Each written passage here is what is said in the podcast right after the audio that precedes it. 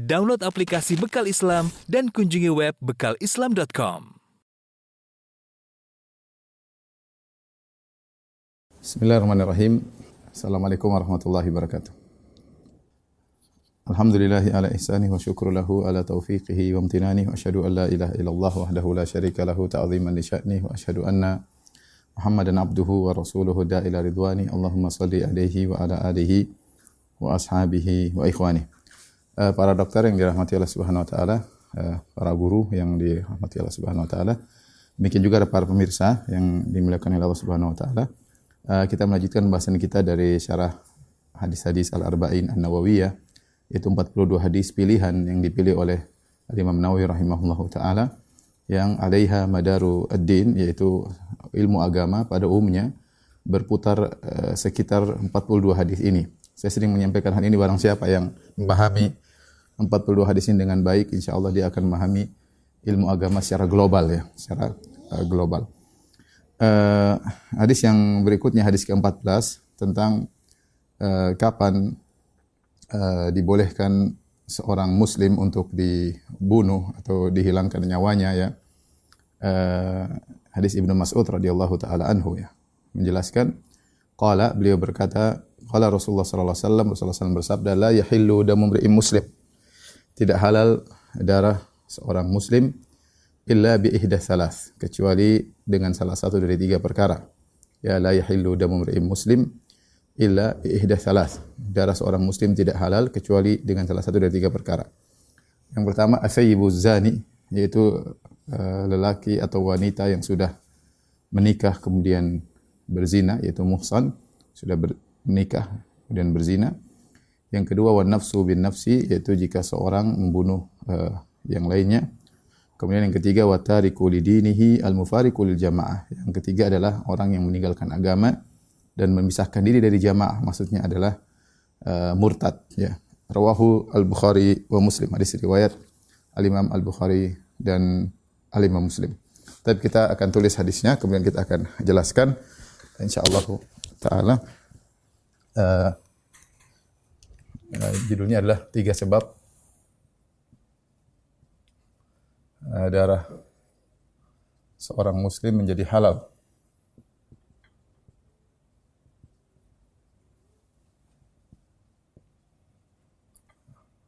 Ya. Adapun yang uh, pertama yaitu uh, Az-Zani. Sayyibu az-zani. Kemudian yang kedua adalah an-nafsu bin nafsi. Ya, itu maksudnya membunuh. Membunuh uh, uh, orang yang haram orang yang diharam dibunuh, yang haram dibunuh. Ini uh, uh, yang sudah yang, yang sudah menikah sudah menikah sah. Sah. Dan berzina. Atau yang maksudnya?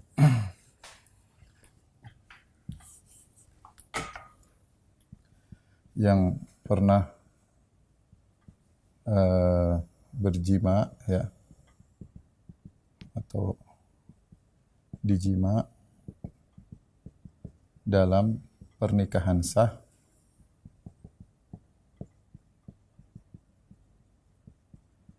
lalu berzina.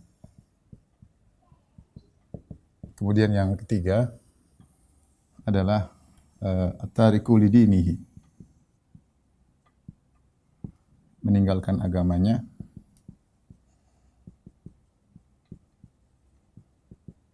uh, yang Nabi sebutkan juga al-mufariqu al-mufariqu lil jamaah. Yaitu dia meninggalkan jamaah kaum muslimin.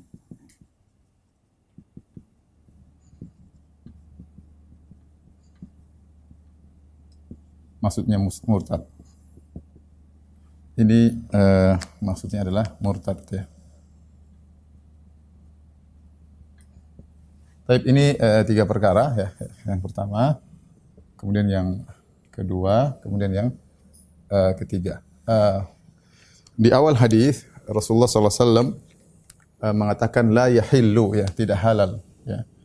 La yahillu damum ri'in muslim ya tidak halal tidak halal yaitu haram maksudnya. Darah seorang muslim. Dan ini dalil bahwasanya hukum asal darah seorang muslim adalah haram tidak boleh ditumpahkan dan ini terlalu banyak dalilnya di antaranya uh, Rasulullah sallallahu alaihi wasallam mengatakan uh, al muslim alal muslim haram seorang muslim di atas muslim yang lain haram damuhu wa maluhu wa irduhu tidak boleh darahnya halal, kemudian eh, darahnya haram, kemudian hartanya haram dan harga dirinya haram. Maka tidak boleh ditumpahkan, eh, tidak boleh dilanggar. Tidak boleh seorang membunuh seorang muslim dan tidak boleh juga seorang mengambil harta seorang muslim yang lain. Kemudian juga tidak boleh uh, seorang uh, menjatuhkan harga diri muslim yang lain. Ini hukum hukum asal. Oleh karena kita tahu bahwasanya membunuh seorang muslim yang uh, tanpa hak maka uh, hukumnya adalah dosa besar, terancam dengan neraka ya. Uh, dalam Al-Qur'an Allah mengatakan uh, apa namanya uh, barang siapa membunuh seorang mukmin muta'ammidan fajaza'u jahannam ya. May yaqtul mu'minan muta'ammidan fajaza'u jahannam barang siapa membunuh seorang mukmin dengan sengaja maka hukumannya adalah neraka jahanam ya. Makanya ketika Allah menyebutkan tentang dosa-dosa sangat besar di antaranya membunuh muslim yang lain ya. Kata Allah Subhanahu wa taala, "Walladzina la yad'una ma'allahi ilahan akhar wa la yaqtulun nafsa allati harramallahu illa bil haqq wa la yaznun." Dan orang-orang yang tidak pernah berbuat kesyirikan, orang-orang yang tidak pernah membunuh jiwa yang diharamkan untuk dibunuh dan orang tidak berzina, kata Allah, "May yaf'al dzalika yalqa asama." Barang saya melakukan ini, maka dia akan mendapatkan dosanya. Yudha'af lahul adzabu yaumal qiyamah dan dia akan dilipat gandakan uh, siksaannya pada hari kiamat kelak. Tapi kata Allah illa man taba, kecuali yang uh, yang bertobat ya. Jadi uh, di sana ada uh, darah yang haram untuk ditumpahkan ya. Tapi sebelum kita masuk pada yang dihalalkan, kita harus tahu juga darah yang haram ditumpahkan. Uh,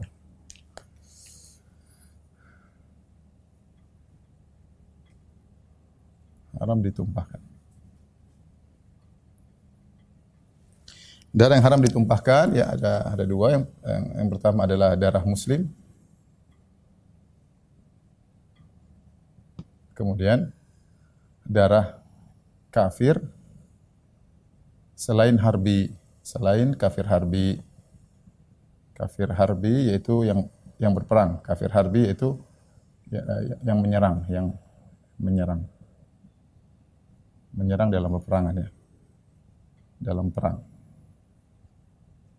Dari sini kita tahu bahwasanya kafir itu sebenarnya ada ada empat ya.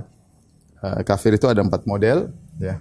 Macam-macam orang kafir ini sudah pernah saya singgung tapi kita singgung lagi. Macam-macam orang kafir. Yang pertama adalah kafir harbi. Ini uh, boleh dibunuh ya, karena dia berperang. Halal darahnya, ya. halal darahnya ya.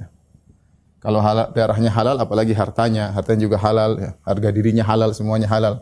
Karena ini adalah uh, seorang kafir harbi. Ya, uh, yang sisanya adalah yang berikutnya adalah uh, uh, kafir muahad, ya, muahad, yaitu yang kafir yang punya perjanjian damai dengan kaum muslimin, ya, yang uh, berasal dari negara yang berdamai dengan uh, negara Islam. Kemudian yang berikutnya adalah kafir al-musta'man. Al-musta'min ya, kafir al-musta'min. Al-musta'min yaitu uh, kafir yang berasal dari negara yang perang, negara kafir yang perang perang dengan kita ya. Tapi minta pengamanan tapi minta pengamanan. Minta pengamanan. Contohnya kita lagi berperang dengan orang kafir kemudian mereka ngirim delegasi misalnya ya. Mengirim delegasi maka uh, kita kasih keamanan tidak boleh kita langgar tidak boleh kita berkhianat tidak boleh kita uh, berkhianat. Kemudian uh, yang terakhir adalah kafir zimmi ya. Kafir zimmi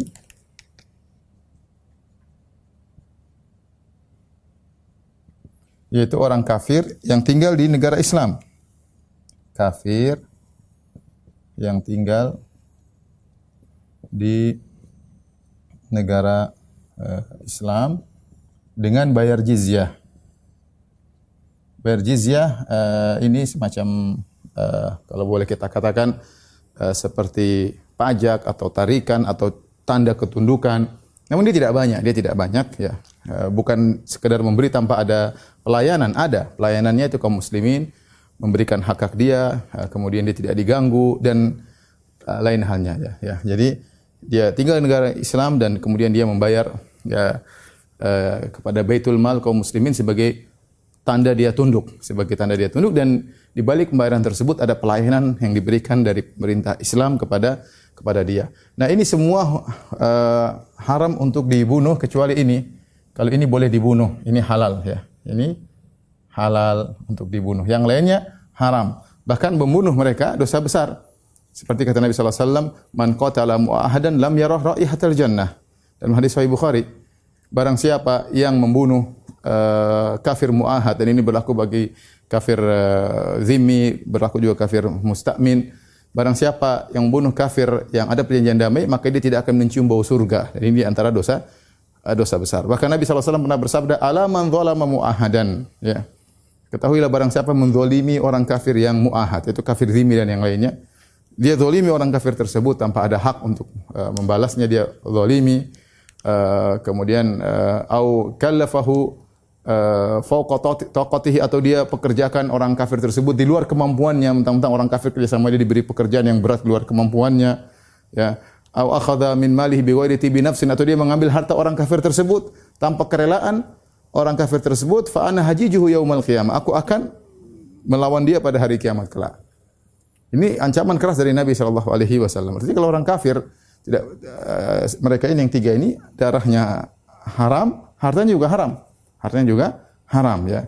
Jadi di antara kesalahan sebagian eh, kelompok-kelompok uh, sesat itu menganggap bahwasanya orang kafir satu model. Mereka salah dari dua sisi. Pertama menganggap orang kafir satu model, yang kedua, menganggap bahwasanya hubungan kita dengan orang kafir cuma perang doang.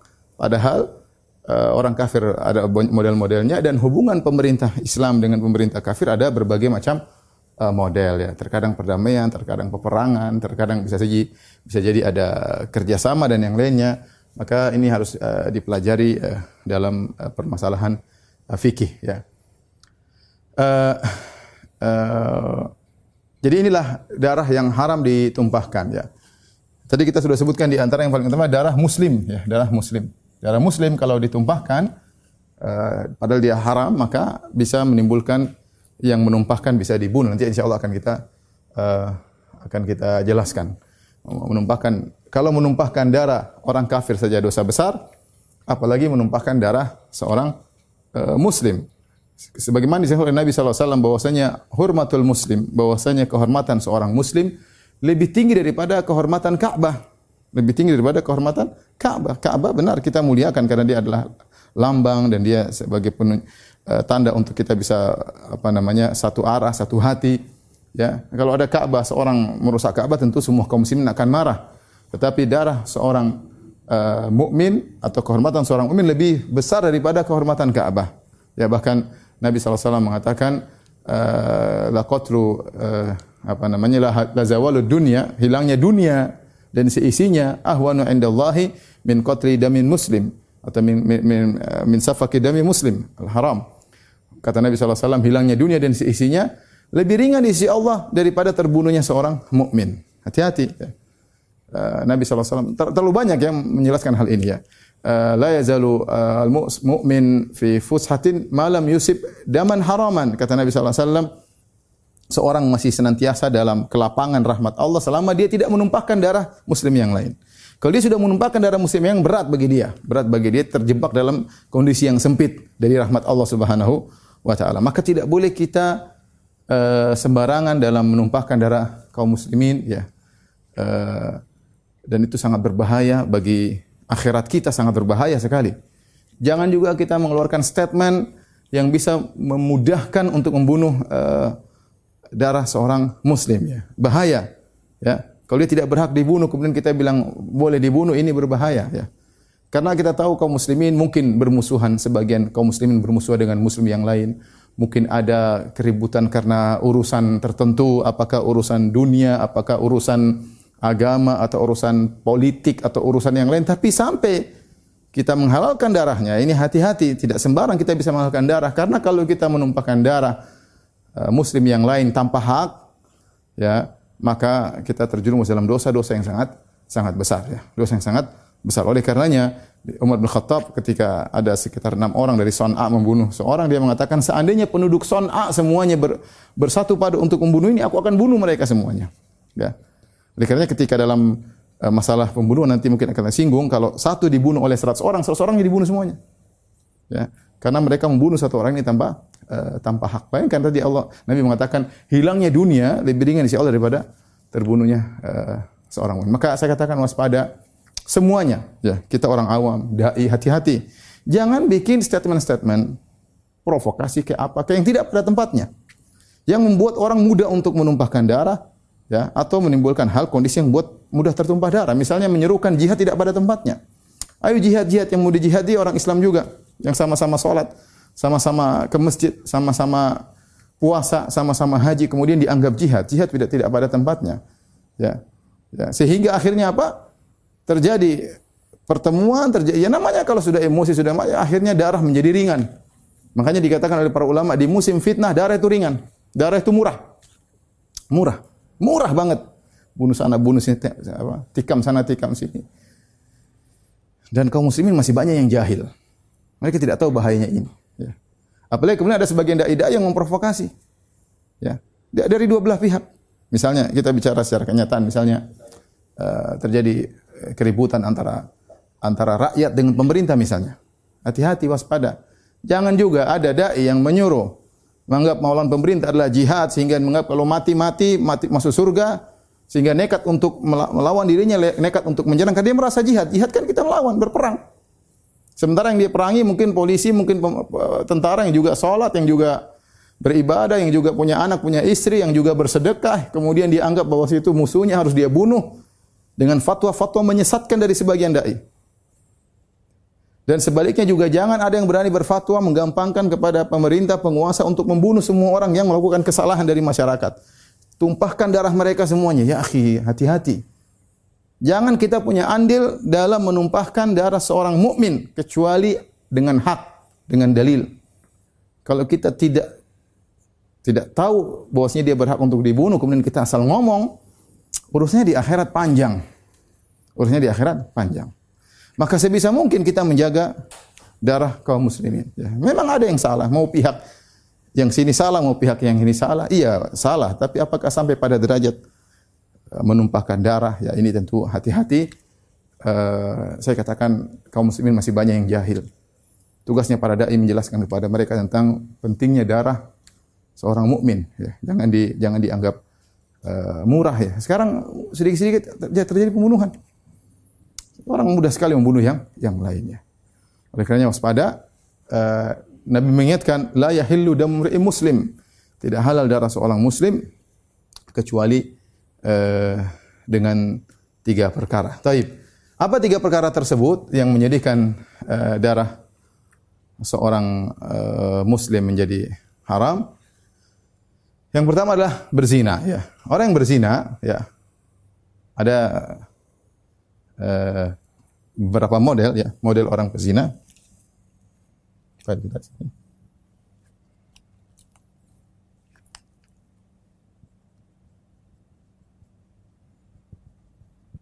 Uh, yang pertama uh, sudah nikah sah dan sudah uh, berhubungan intim. Ya.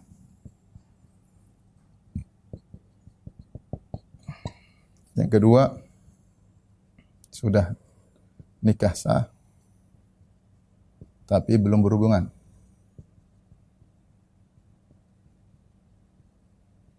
Yang ketiga, belum pernah nikah sah.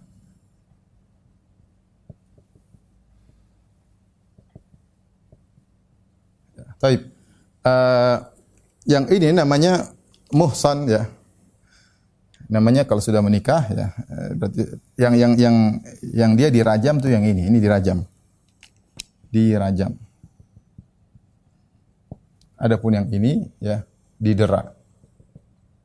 Ya, didera. Bisa jadi seorang pemuda, bisa jadi seorang pemuda pernah berzina.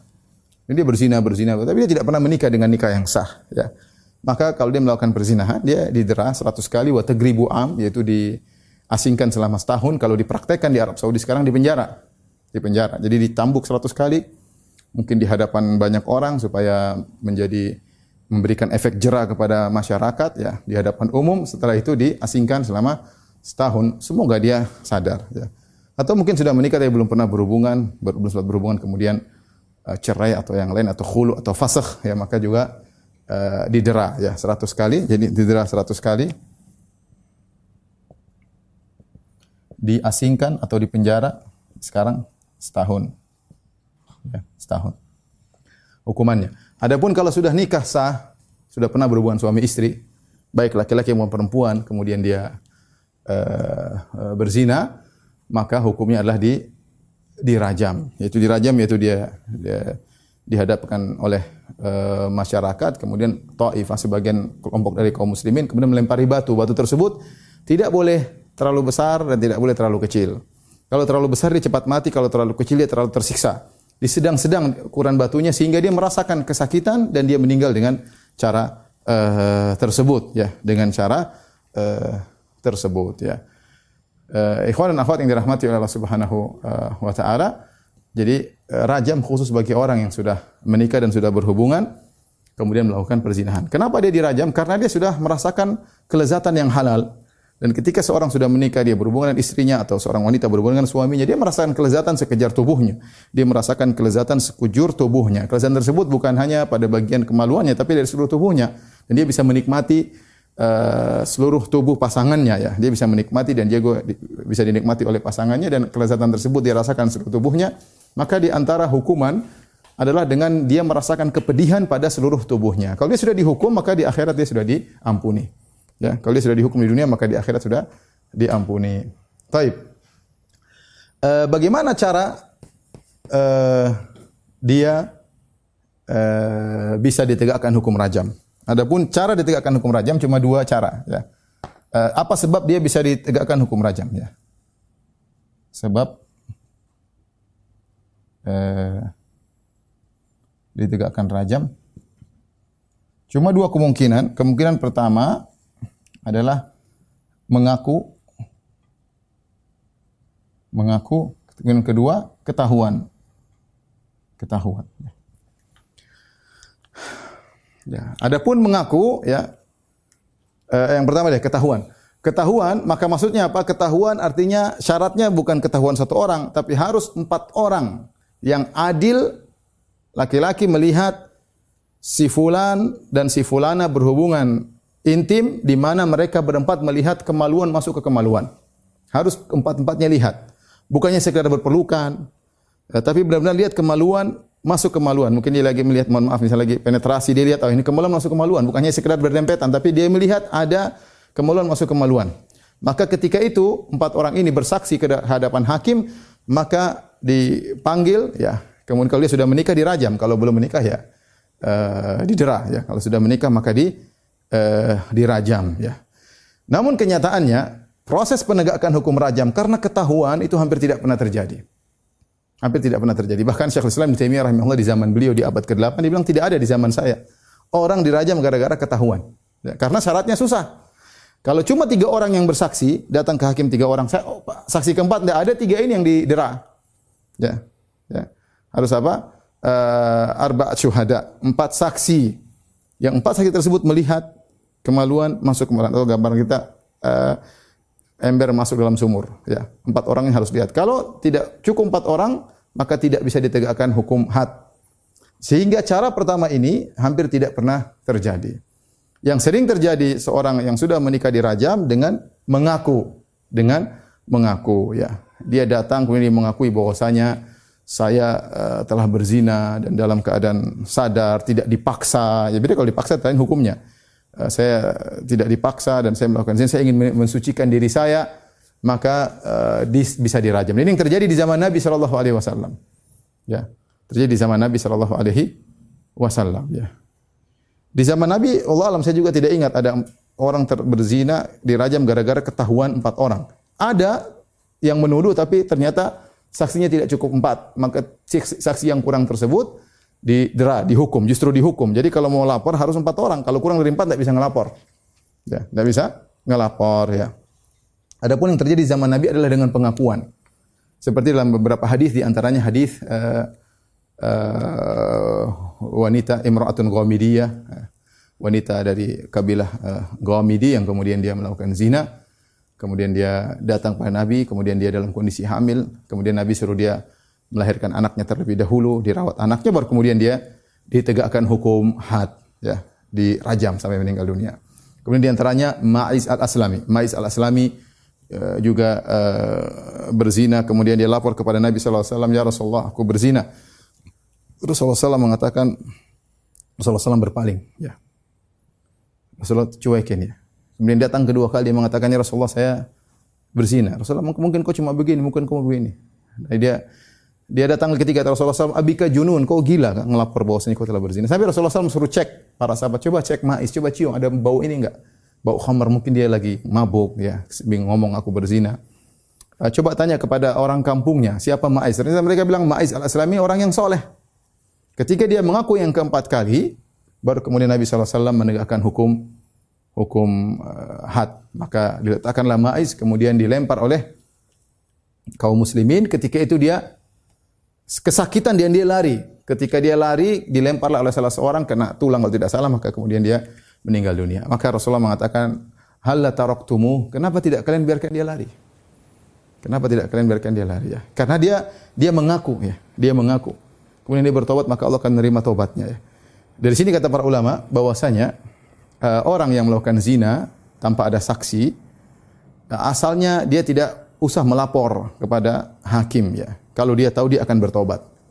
Kalau dia tahu dia akan bisa bertobat. Makanya kenapa ketika Ma'is tadi melapor Nabi berpaling, Nabi tidak mau terima.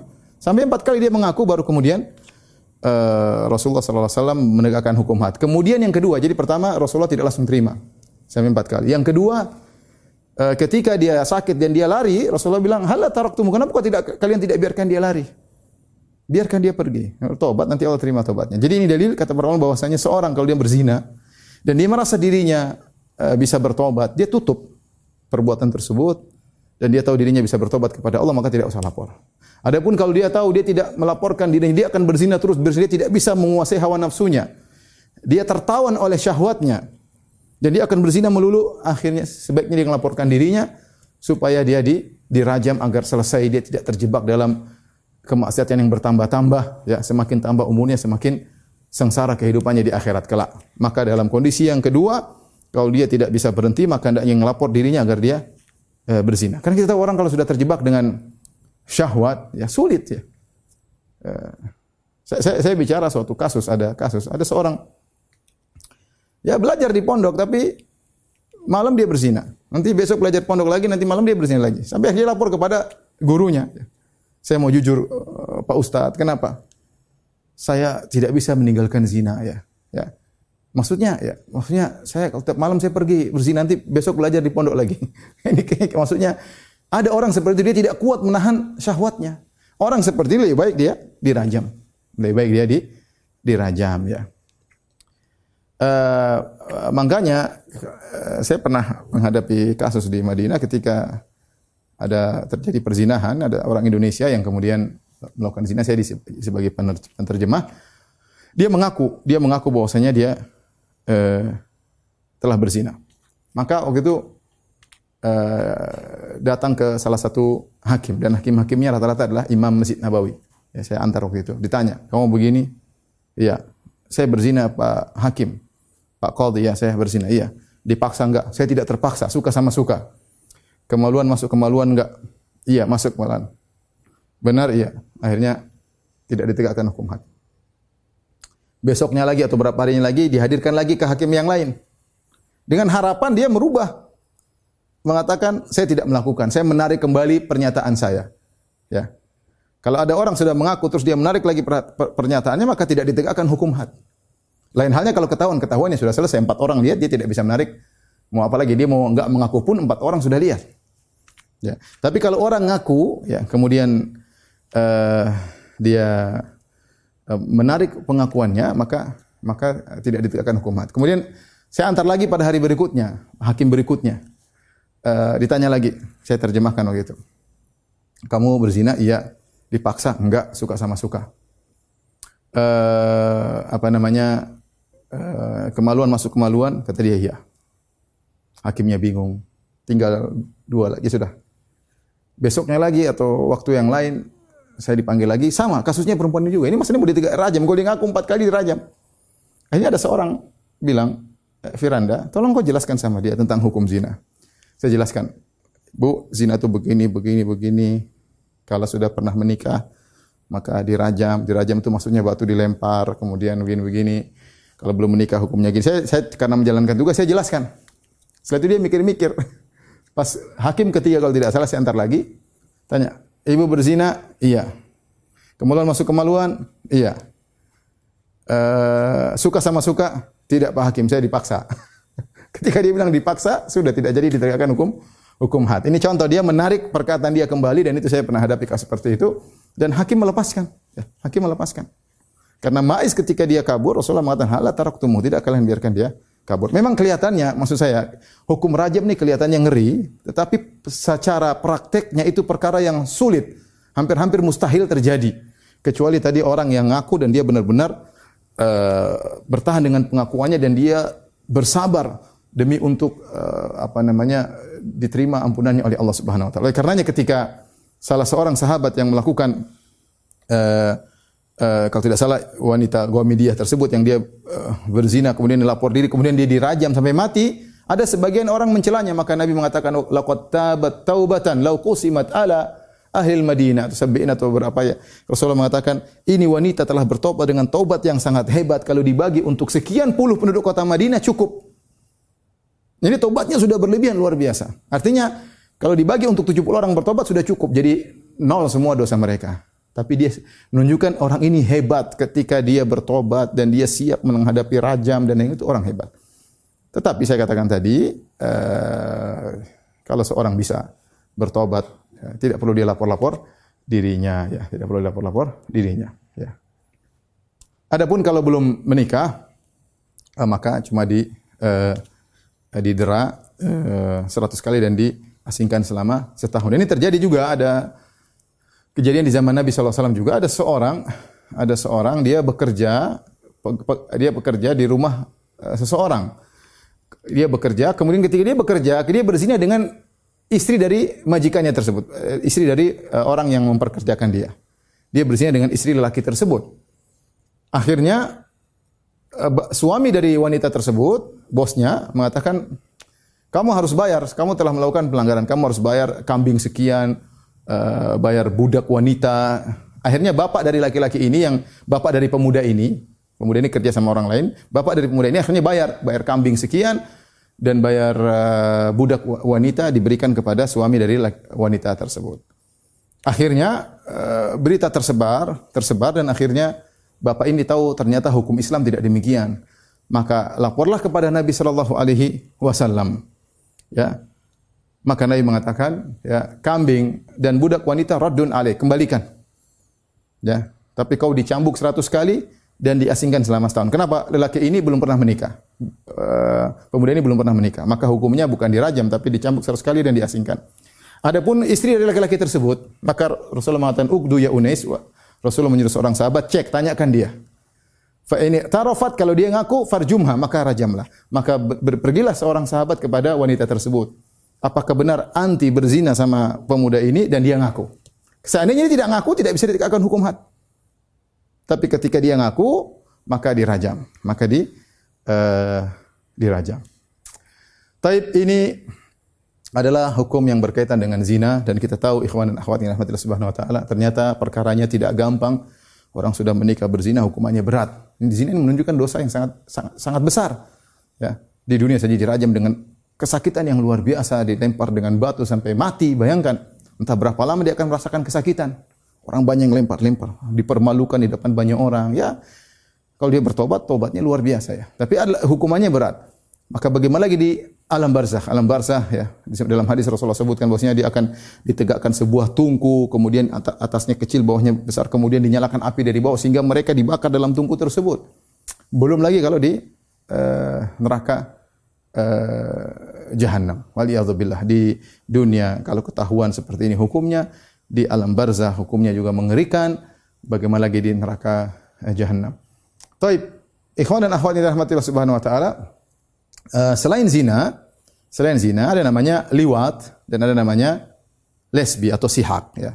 Homoseksual ya. Uh, dengan lesbi. Bagaimana hukumnya? Apa hukumnya sama? Jawabannya berbeda. Uh, homoseksual berbeda dengan zina, berbeda dengan lesbi. Ini tiga uh, tiga hukum yang uh, uh, uh, yang berbeda ya. Kalau kita mau kasih ya, mudah-mudahan cukup tempatnya sini. Atau saya jelaskan aja lah, saya jelaskan. Tapi adapun uh, uh, homoseksual, maka hukumnya Nabi SAW mengatakan, Man wajadtumuhu yaf'alu amala qaumi lut, faqtulul fa'il wal maf'ula bih. Siapa yang kalian dapati melakukan praktek uh, uh, homoseksual, maka bunuhlah yang melakukan yang menyodomi dan disodomi. Kalau sama-sama ridho, sama-sama suka, maka bunuhlah keduanya. Maka bunuhlah uh, keduanya. Oleh karenanya, Eh, para ulama uh, uh, ya artinya pendapat yang ya, ya, ya, sepakat dibunuh. Sebagian ulama berpendapat hukum homoseksual sama seperti zina. Sama dari sisi mana? Dari sisi dilihat apakah dia muhson, ghairu muhson, sudah menikah atau belum. Kalau sudah menikah maka dirajam, kalau belum menikah maka dicambuk dan diasingkan. Namun pendapat ini tidak kuat. Pendapat yang benar bahwasanya praktek praktisi homoseksual jika dia melakukan menyodomi atau disodomi sama-sama ridho, maka dibunuh tanpa memandang dia sudah menikah atau belum menikah. Tanpa memandang dia menik sudah menikah atau belum menikah. Ini pendapat yang kuat, dibunuh. Sehingga kemudian para ulama khilaf lagi.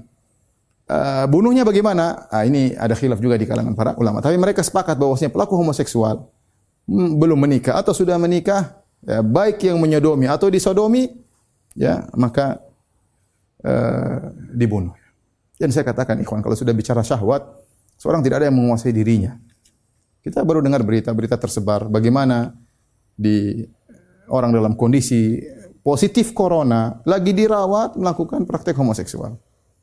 Ya, semoga Allah memberi petunjuk kepada mereka. Tapi maksud saya, saya ingin sampaikan bahwasanya syahwat tidak bisa kita main-main. Jangan kita menjebak diri kita pada syahwat ketika syahwat kita sudah bergelora, otak kita sudah nggak jalan. Seorang tidak memikirkan lagi istrinya, tidak memikirkan lagi anaknya. Sudah, kalau dia berzina, berzina, dia mau homo, dia mau homo, tidak kuat.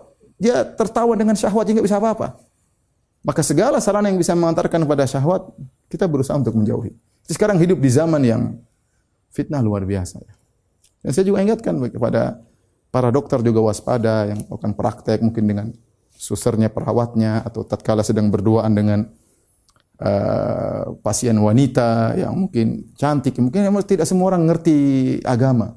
Ya, seorang dokter harus waspada, jangan menjebak dirinya dalam perkara yang seperti itu. Hati-hati. Ya, hati-hati ya. Kita semua siapa saja, saya bukan bicara dokter saja, semuanya, mau ustadz, mau dokter, mau siapa pun, kalau sudah kejebak dalam suatu kondisi di mana syahwat bergelora, dia sudah tidak bisa mikir. Dia tidak pikir dia bagaimana syahwatnya bisa dia keluarkan terjerumus dalam dosa yang mendatangkan kemurkaan Allah Subhanahu wa taala. Waliyadzubillah. Hati-hati. Jadi uh, yang benar homoseksual adalah uh, dibunuh. Adapun cara membunuhnya maka ada khilaf di kalangan para ulama.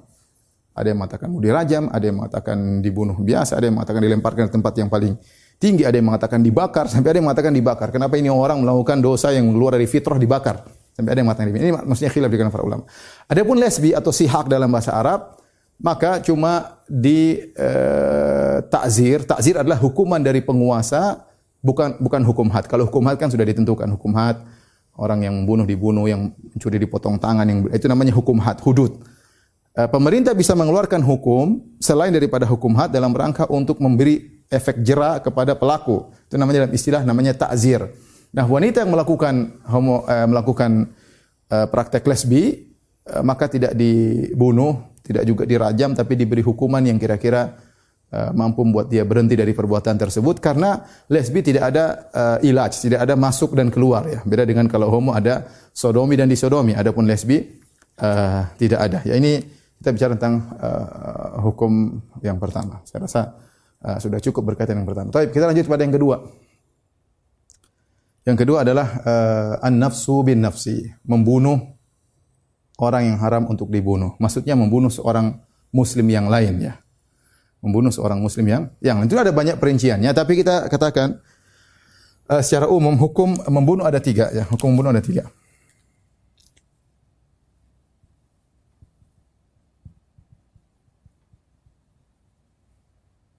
Yang pertama, yang kedua, yang ketiga. Yang eh, eh, yang yang pertama disebut uh, qatul khata yaitu tidak sengaja membunuh. Uh, yang kedua adalah sengaja membunuh. Qatul amd, sengaja. Wa yaqtul mu'minan muta'ammidan, barang siapa sengaja membunuh ya, sengaja. Sengaja membunuh. Yang ketiga disebut dengan syibhul am, yaitu mirip membunuh. Mirip membunuh. Apa bedanya mirip membunuh dengan membunuh? Kalau ini dia sengaja uh, sengaja melakukan pelanggaran, sengaja mendolimi, ya. Maksudnya dia sengaja sengaja memukuli, sengaja memukuli, tapi tidak tapi tidak bermaksud membunuh. Ya tapi tidak bermaksud membunuh. Membunuh. Taib, dari mana kita tahu dia tidak bermaksud membunuh? Dilihat dari alat yang digunakan. Buktinya alat yang digunakan yang digunakan biasanya tidak membunuh. Biasanya tidak membunuh. Contoh dia berkelahi sama kawannya, dia jengkel diambil sapu lidi dia mukul, tahu-tahu mati orang tersebut. Biasanya sapu lidi tidak membunuh. Tapi ya qadarullah pas dia mukul entah bagian apa, kemudian matilah orang tersebut. Itu namanya sengaja memukul tapi tidak bermaksud membunuh, tahu-tahu mati. Itu namanya sibhul amd. Adapun tidak sengaja membunuh qatl khata, ya. Qatl khata maksudnya dia melakukan suatu yang boleh, dia tidak sengaja untuk uh, melakukan pelanggaran terhadap pihak yang dia bunuh. Dia melakukan sesuatu yang boleh tapi ternyata terjadi kecelakaan tanpa dia sengaja orang dia bunuh orang lain. Contoh dia bawa mobil. Boleh bagi dia untuk bawa mobil dengan kecepatan tertentu. Tiba-tiba dia tidak sengaja dia sesuatu, tahu-tahu ada orang lewat dia tabrak. Ya. Ini kadang pernah terjadi di Saudi. Jadi orang jemaah haji, ya kan di kita, kita kalau mobil kan sebelah kiri. Kalau di Saudi mobil sebelah kanan, jalur lambatnya. Kalau kita jalur lambat sebelah sebelah kiri, kalau mau balap sebelah kanan. Saudi sebaliknya, jalur lambat sebelah kanan, kalau balap sebelah kiri, ingin melambung. Nah, sehingga kalau dia menyeberang, harusnya dia melihat ke kiri, lihat ke kanan ya. Dia salah lihat, ternyata mobil dari sini. Begitu dia jalan ketabrak, ya, meninggal. Yang menabrak tidak sengaja. Itu ada hukumannya ini dibayar dia. Yang ini juga bayarnya dia, ada perbedaan nanti itu dalam uh, masalah fikul jinayah, masalah uh, yang kalau ini yang dibunuh, ini ini yang dimaksud dengan hadis ini yaitu. Ini yang dimaksud. Membunuh dengan sengaja, ya, membunuh dengan sengaja. Nah, kalau ada seorang membunuh uh, dengan sengaja, maka ada beberapa hukuman kepada ada beberapa mungkin hukuman ya. Uh, bisa jadi uh, kisos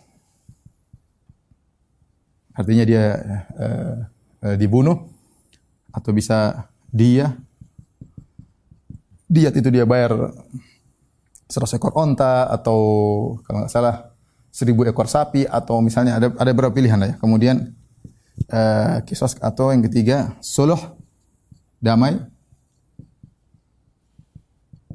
Yang ketiga al-afu memaafkan. Empat al-afu memaafkan. Baik. Ini jika ada seorang membunuh dengan sengaja, maka uh, berapa hal yang mungkin dilakukan? Yang pertama, kisos. Kisos bagaimana waliyud dam seorang dibunuh. Siapa wali damnya? Ada wali macam-macam, ada wali uh, murid atau ada wali nikah, ada wali harta anak yatim. Kita bicara wali dam artinya yang bertanggung jawab dengan uh, darahnya. Kata Allah, "Man qutila mazluman faqad ja'alna liwalihi sultana." Barang siapa yang terbunuh secara zalim maka ke, ke, kepengurusannya diserahkan kepada walinya ya. Jadi walinya siapa? Ahli warisnya. Ahli warisnya. Misalnya orang ini yang meninggal punya ahli waris lima, misalnya, entah ibunya, bapaknya, istrinya, anaknya dua, misalnya. Ibu, bapak, istri, anaknya dua, ahli warisnya itu. Satu laki-laki, satu perempuan. Ternyata anaknya masih kecil, belum balik. Anak yang yang kedua masih umur uh, lima tahun. Maka dia bisa tidak tidak langsung dibunuh, di penjara dulu. Sampai anak ini balik baru ditanya, gimana nih, maafan atau bunuh? Kalau dia bilang bunuh, bunuh. Harus semua sepakat. Ini ahli waris semuanya sepakat untuk membunuh orang ini baru dibunuh. Kalau ternyata anaknya ditunggu, sudah besar, aduh saya maafkan deh. Enggak apa, Ya tidak tidak jadi dibunuh. Berpindah kepada yang lainnya. Berpindah kepada yang yang lain. Jadi untuk dibunuh pun harus ada persyaratan di antaranya ahli warisnya semua setuju untuk di uh, dibunuh seperti itu. Atau pilihan kedua dia bayar diat, diat ya tadi ada jumlah tertentu salah ekor onta. Atau dia suluh. Suluh ini uh, para ahli warisnya mengatakan, "Sudahlah. Kamu tidak saya bunuh, tapi kamu harus bayar. Bayarnya lebih mahal daripada diat. Saya ingin kamu bayar 10 miliar atau 14 miliar, terserah. Kalau kau bayar 14 miliar, kita maafkan. Itu namanya suluh. Dan ini juga terjadi. Saya pernah di ke masjid, kemudian ada pengumuman di pintu luar, uh, uh, cerita uh, qadarullah ada dari warga kami yang membunuh dari suku yang lain. Kami membutuhkan uang sekian juta real bagi siapa kalau tidak salah berapa saya lupa berapa jutanya. Kalau berapa ada yang bisa bantu bagaimana ya sudah artinya yang keluarga yang dibunuh menuntut uang sekian juta real ya. Nah, kalau uang itu ada, selesai. Makanya terkadang disebutkan dalam praktek-praktek terkadang ada orang yang bawa uang banyak, dia siapin di depan. Siapa tahu ahli warisnya berubah. Mungkin ya sudah ambil uang, dimaafkan. Ya. Atau al-afu. Al-afu ya dia maafkan ya sudah. Ya. Uh, saya maafkan. Kami maafkan ya sudah. Bebas, tidak tidak jadi dibunuh. Tidak jadi dibunuh ya. Jadi uh, ini pun ada uh, aturannya tidak serta-merta orang bunuh kemudian di uh, dibunuh. Ini perinciannya banyak bagaimana kalau bapaknya yang bunuh anaknya, bagaimana kalau yang dia bunuh orang non muslim. Banyak hal kita tidak bahas sekarang itu bahasan masalah fikih. Yang terakhir adalah orang yang murtad. Orang yang murtad, Nabi SAW bersabda dalam hadisnya, ya. Pertama hadis ini hadis Ibnu Mas'ud, kemudian hadis juga pernah disampaikan oleh Utsman bin Affan ketika dia dikeroyak oleh orang Khawarij. Kemudian dari hadis yang lain, ya Rasulullah SAW mengatakan Sahih Bukhari juga uh, kata Rasulullah SAW, uh, man baddala dinahu faqtuluh. Man baddala dinahu faqtuluh. Siapa yang merubah agamanya bunuhlah.